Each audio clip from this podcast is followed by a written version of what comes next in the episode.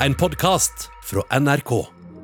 Grottefesten i det gamle tilfluktsrommet i Oslo ble brått mye mer alvorlig da legene i slutten av forrige uke meldte at flere av festdeltakerne hadde fått hjerneskade.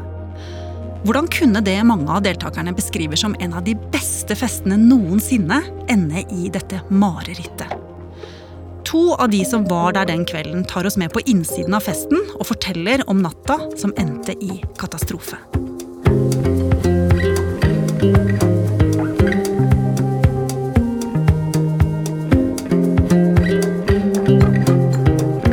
hører på Oppdatert. Jeg heter Ragna Nordenborg. Jeg kjenner på at jeg har litt vondt i hodet, som kommer litt og går.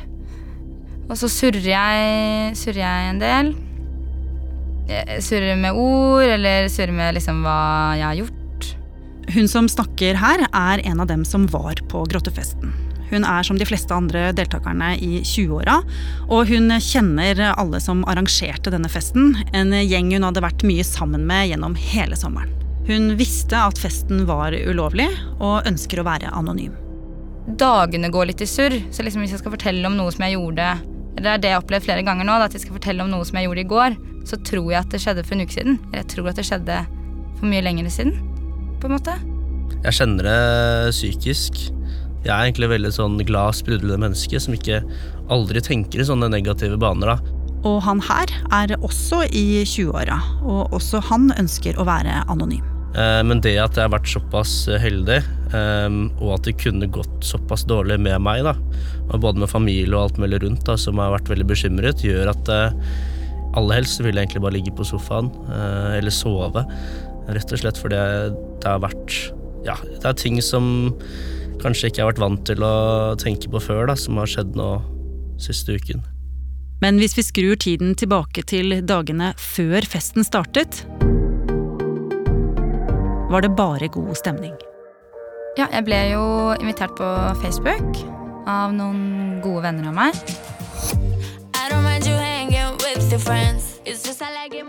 Først så var det jo egentlig politi- og tyv-tema på festen. Men uh, i siste liten så ble det bytta over til uh, rave-tema. Jeg tenkte at det er ikke like mange som gidder å kjøpe det politikostymet. Så da ble det rave, da. Jeg var i en uh, annen bursdag den ble avsluttet ganske tidlig, og da var eh, planen at vi skulle videre, videre på nachspiel. Så vi var en liten gjeng i taxi og alt mulig. Eh, så sitter jeg med en kompis ved siden av meg, så sier han du, jeg vet om en, eh, en sånn fest i en grotte på, på Sankthanshaugen. Du kan bli med, og så kan du bli med, så kan vi møte hun jenta som står utenfor. da. Jeg tenkte fest i en grotte. Hva er det, for er det som har leid et uh, lokale som ser ut som en grotte? Skjønte egentlig ikke helt uh, hva greia var, da. Så stopper taxien og går utenfor, så ser vi det er en del folk. Uh, men på en måte, de går liksom innover mot skogen. Jeg skjønte egentlig ingenting. Det er jo midt på en ganske sånn sentral vei. Ganske sånn hovedvei på Sankthanshaugen i Oslo. Så vi går ut, og så ser vi at det står og henger fem-seks stykker utenfor som vi kjenner, så vi går bort til dem og sier hei, hva skjer, og hvor har dere vært, og ok, skal vi gå inn, da. Da var jo klokka elleve, tror jeg. Og da går vi jo opp uh, den lille skråningen, hvor det er en sånn liten luke, da. Um, du må på en måte klatre over uh, et bitte lite sånn type gjerde. Og der, i den luken, så står det veldig mye folk som uh, driver og hjelper andre, så de skal komme seg inn, da, i denne svære grotten. Men jo, man går inn, og så har jo gutta bygd en trapp da, ned. Eh, så man går ned trappa, som er laget av paller. Eh, når vi går ned trappa, så ser du at det er litt sånn tagging og sånn der. Og så er det en sånn svær eh, bunkerdør. Det er jo en bunker, ikke sant, som man går inn da. Jeg ble jo hjulpet ned på noen paller som uh, sto der. Uh, og det jeg husker da, var at det var ikke så mye mennesker der. Det var heller ikke noe særlig høy lyd. Det var ingenting. Det var bare ganske stille. Men det var ikke ett stort rom vi kom til. Det var, Vi gikk i en tunnel, og vi gikk innover og innover og innover. Husker jeg ser på høyre side, ser jeg et svært rom. Der var det nesten ikke mennesker. Det var bare et svært hulerom. Så husker jeg å gå enda lenger videre med vennene mine, og vi ser da eh, sånne glowsticks på, på veggene. Eh, som måte viser vei, da. Og da husker jeg at jeg begynte å høre musikk. Det er veldig stort der inne. Men jeg husker at jeg begynte å høre musikken på en måte enda høyere og høyere og høyere. Og jeg husker jeg på en måte ble mer og mer gira. da Tenkte jeg dette her er jo Nå er det noe som skjer her. Husker jeg at jeg kommer rundt hjørnet. Da ser jeg bare masse mennesker. Masse lys. Høyttalere, DJs. Da var jeg, husker jeg at jeg var liksom Det her Dette er noe av det kuleste jeg har opplevd, i hvert fall i 2020. da.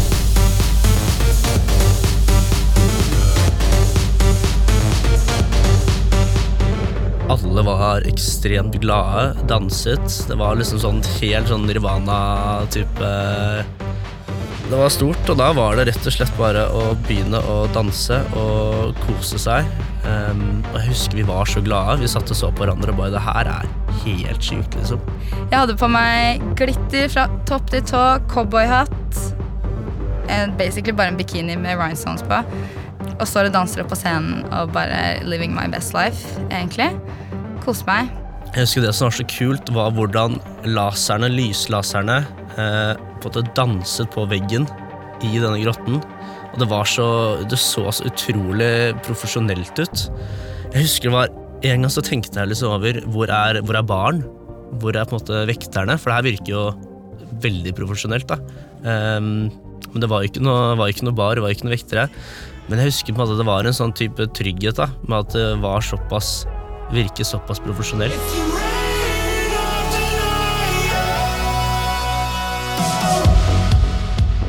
Plutselig så er det fullt da, i denne grotta, og det må si at det var ganske sykt å stå liksom bak scenen der.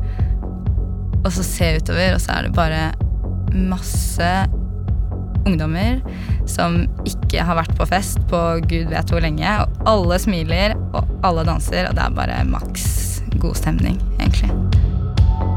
Var få som drakk. Eh, veldig mye dop. Eh, form av ecstasy, eh, MDMA, kokain. Det var på en måte det, det merket man jo med en gang, da. Eh, men du merket ikke på han Du tenkte ikke at eh, det her var noe skummelt, for alle virket bare utrolig glade. Men hvordan merka du at de var eh, Ja, du så jo. Folk satt jo på hjørnet og, og delte opp til hverandre og, og alt mulig. Og folk bare koste seg og hadde det gøy. Hva gjorde du sjøl? Tok du dop sjøl? Nei, det gjorde jeg ikke. Jeg eh, holdt meg til alkoholen. Det var greit, det fungerte, fungerte fint. Det var ikke noe det var ikke noe problem, det. Det var ikke noe gruppepress eller noe som helst der. Der var bare målet at alle er seg selv, og alle koser seg.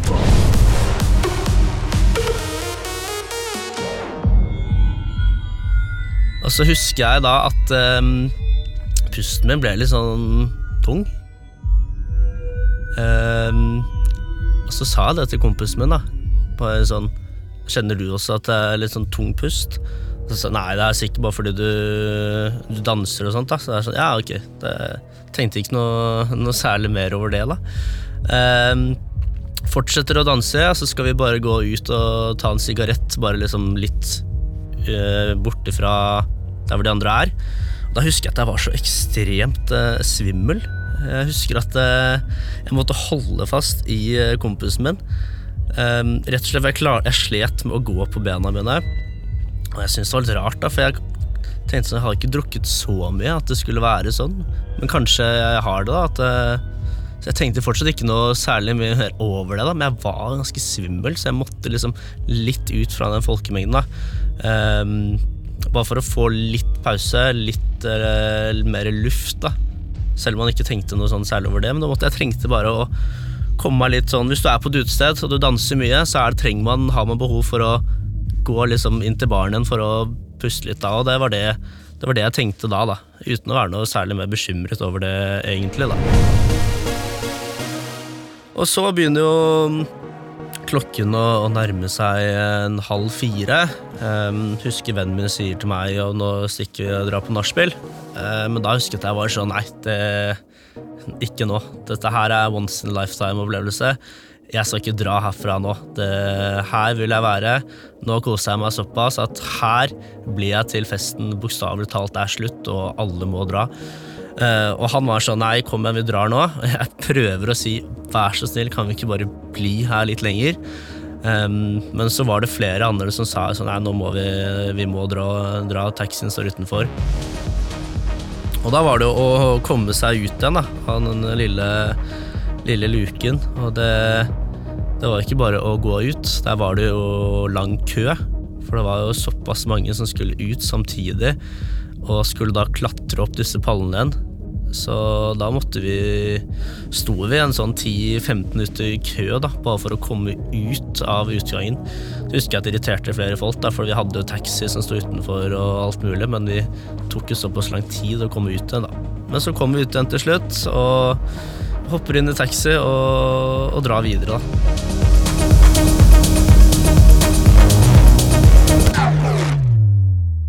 Altså klokken var vel rundt halv fire eh, når plutselig strømmen går. All strømmen går. Musikken går, eh, lyset går. Det hadde jo vært masse sånn svære, svært lysshow oppi taket, så det ble plutselig helt mørkt. Da jeg og en av arrangørene, som er en god venn av meg, bestemmer oss for ok, vi løper bort og ser hva som skjer. Noe må ha skjedd med det aggregatet. Så vi løper bort, løper eh, forbi alle sammen, inn til høyre, inn til aggregatrommet, hvor vi ser at døren er åpen. Og vi lukter også bensin. Og det har samlet seg kanskje fem-seks stykker rundt en uh, fyr som ligger, ligger i døråpningen da, til eh, aggregatrommet. Han ligger med buksa nede. Tenker Det ser ut som at han har stått og tissa liksom, når han uh, har besvimt. Og de driver og får tak i han, da. Kom igjen, du må ut, nå skal vi hjelpe deg. Så jeg og han ene arrangøren går inn i aggregatrommet. Og altså, det tok ikke egentlig mer enn ett pust altså, inn før jeg kjente Wow. Jeg ble kjempesvimmel. Uh, og jeg kjente at det nesten Og det er ekkelt å tenke på i ettertid, men jeg, det var sånn behagelig. At det var sånn øh, At jeg holdt på å besvime. Men jeg måtte bare riste, riste meg. bare, ok, kom igjen, nå, nå skal vi se hva er det som skjer her. Og hva er det du får se da? Nei, jeg ser jo først han ene som ligger rett ved siden av aggregatet. Ligger sånn rett ut. Uh, helt bevisstløs. Det er en som ligger litt lengre inn i tunnelen, på en måte. Som også er bevisstløs. Og så en som ligger på andre siden av tunnelen, som ligger Eller han sitter sånn i foster, Han sitter i fosterstilling opp inntil den ene døra. Han sitter opp inntil der. Jeg tenker, hva er det de gjør her? Hva er det de har holdt på med her inne? Hvorfor er de her? Hvorfor har ikke de merket det vi merket? Vi gikk jo inn og bare fikk den, det slaget rett i ansiktet. Hvorfor har ikke de eh, reagert på det? Men ja, vi tenker egentlig bare at vi må få de ut derfra.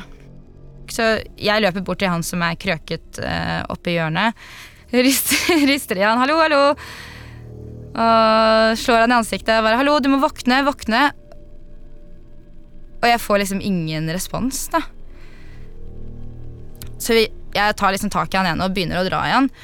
Men idet jeg begynner å gjøre det, så ser han andre som jeg er med, han ser på meg og bare Nei, du, nå må vi ut og lufte oss. Det her Jeg holdt på å besvime, da. Så vi løper rett utenfor og tar litt luft. Og jeg tror han skriker til de som For det er jo da noen som sto der med han ene fyren. Skriker 'hallo, vi trenger hjelp, dere må hente han ene som er ved scenen'. Alle må ut derfra nå, liksom. Vi løper inn igjen. Løper inn igjen, begynner å dra dem fysisk. Bare sånn Altså, jeg er jo en liten jente på kanskje 50-60 kilo.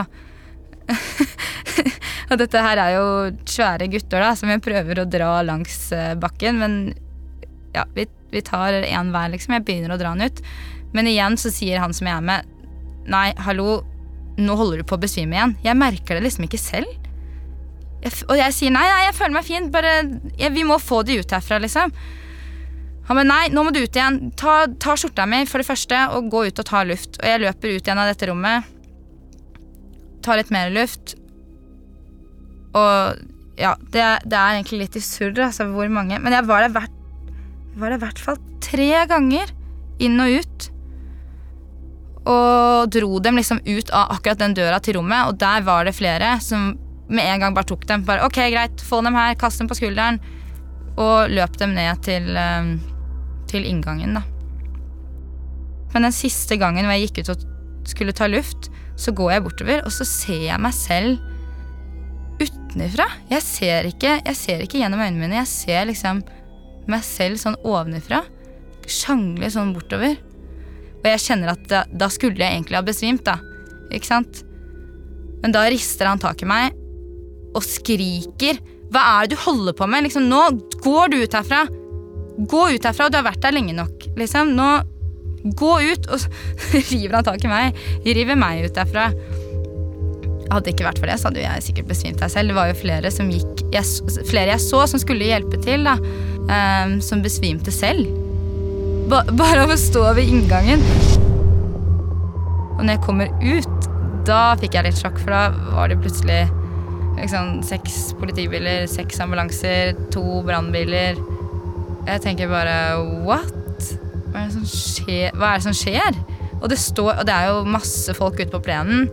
Eh, noen som er kjempefulle, løper rundt og ler. Andre som er redde.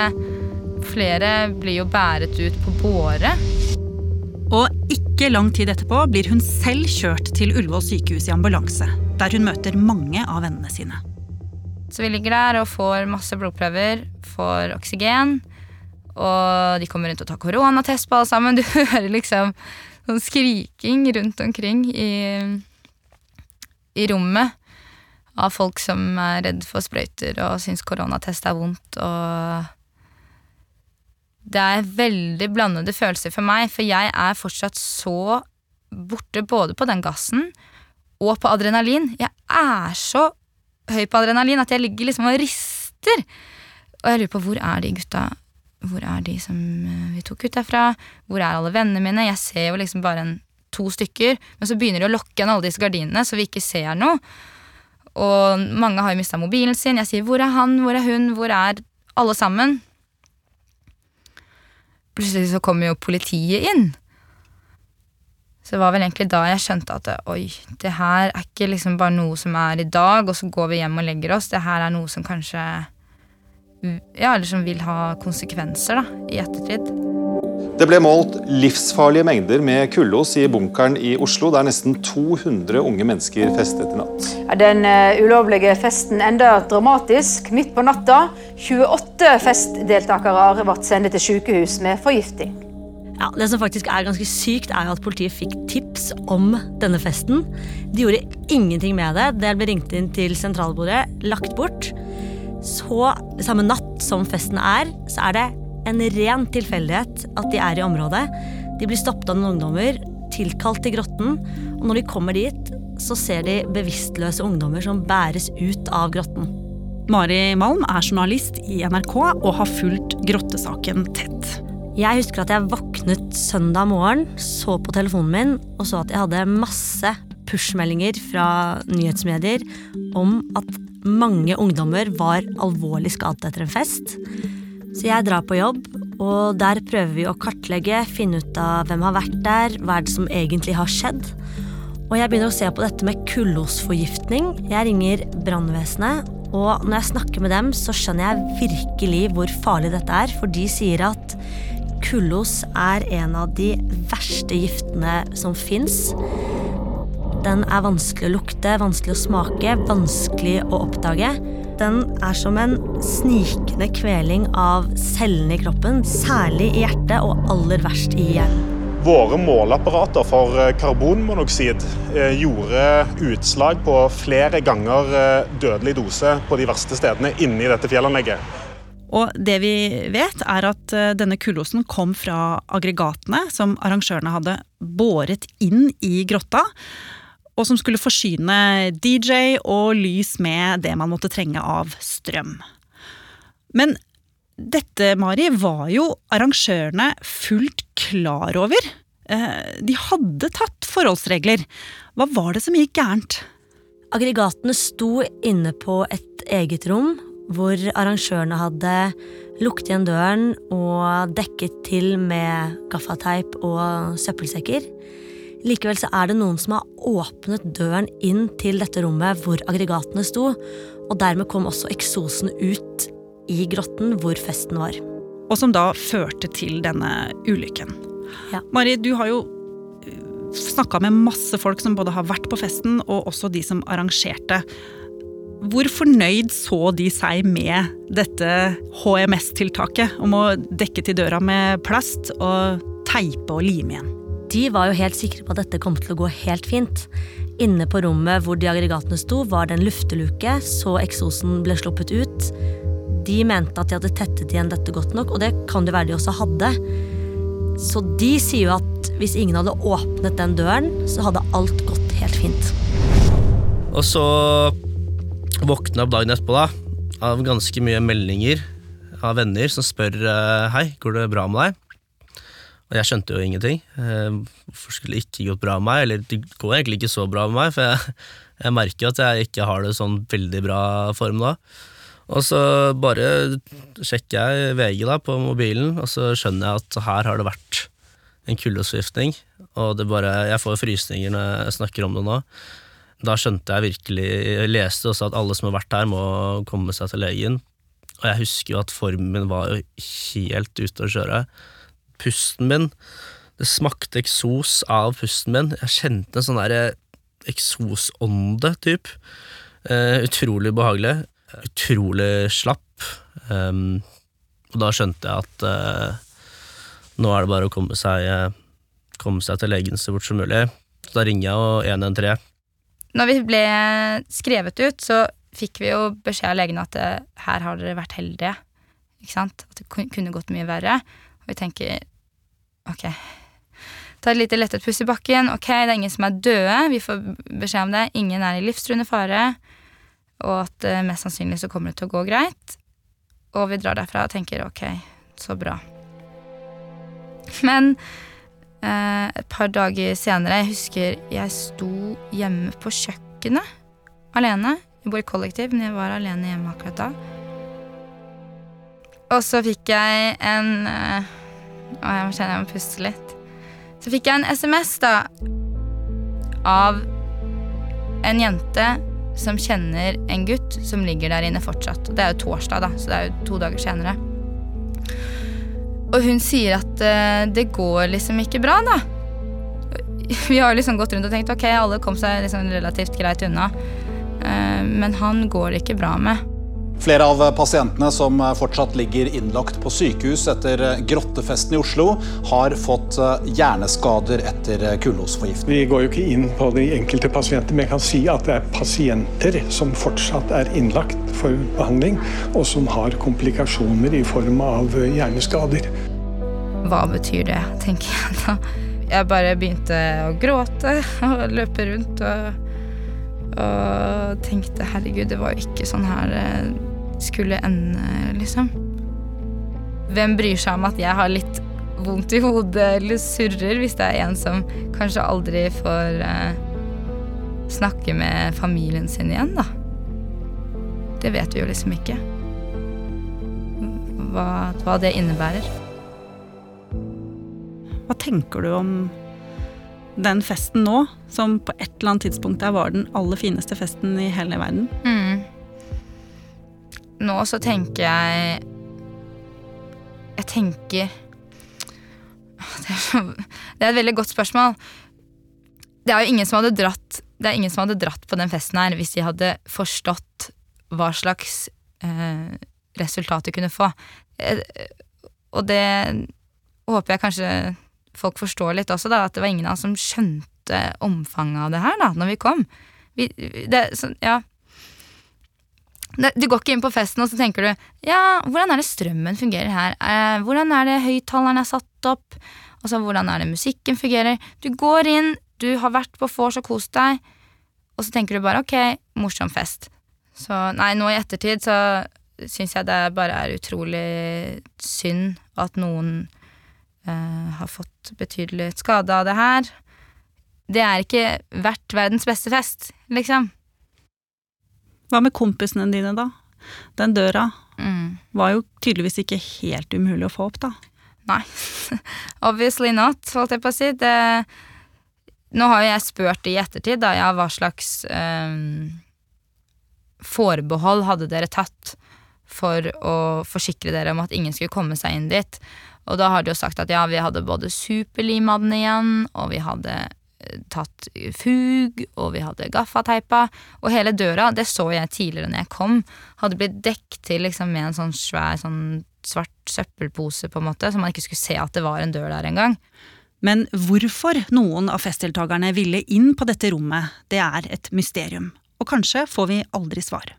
Husker i dagene etterpå så var det nesten som at ja, det gikk jo litt dårlig, men det var en kul fest, da. Eh, jeg husker jeg til og med sa til venner at ja, men det var verdt det, da. Det er jo, heldigvis det gikk jo bra, liksom, og det var en kul opplevelse, og det burde ha vært der, og, og det var det man satt og tenkte da. Eh, og så gikk jo Så begynte man å lese om eh, ting i nyheter, og at det ikke gikk så bra. Og da sitter du igjen med en litt sånn følelse av at det sitter familier der ute som har barna sine ligger på sykehuset, og jeg er utrolig takknemlig for at ikke jeg var en av dem. da. Jeg har nok fått et litt annet syn på mortality, jeg vet ikke hva det heter på norsk, dødelighet, liksom. At det, går, at det går an å dø når man er ung og frisk og rask og helt fin, på en måte. At det er noe som kan skje. Når vi spiller inn denne episoden, vet vi ikke hvor mange som fremdeles er innlagt, eller hvor stor skade på hjernen de har fått. Fire personer er sikta i saken, bl.a. for skade på kropp og helse, brudd på smittevernloven og for å bryte seg inn i bunkeren. Om de blir dømt, kan de få mange år i fengsel. En av de siktede sier via sin advokat at han stiller seg uforstående til siktelsen.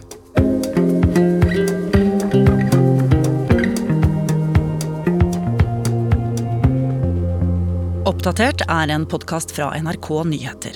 Og hvis du ikke vil gå glipp av neste episode, så kan du abonnere i appen NRK Radio. Bare søk på Oppdatert, så finner du oss. Denne episoden var laget av Ida Tune Øritsland, Petter Sommer og meg, Ragna Nordenborg. Vil du kontakte oss, gjør det på oppdatert krøllalfa nrk.no. Du har hørt en podkast fra NRK. Hør flere podkaster og din favorittkanal i appen NRK Radio.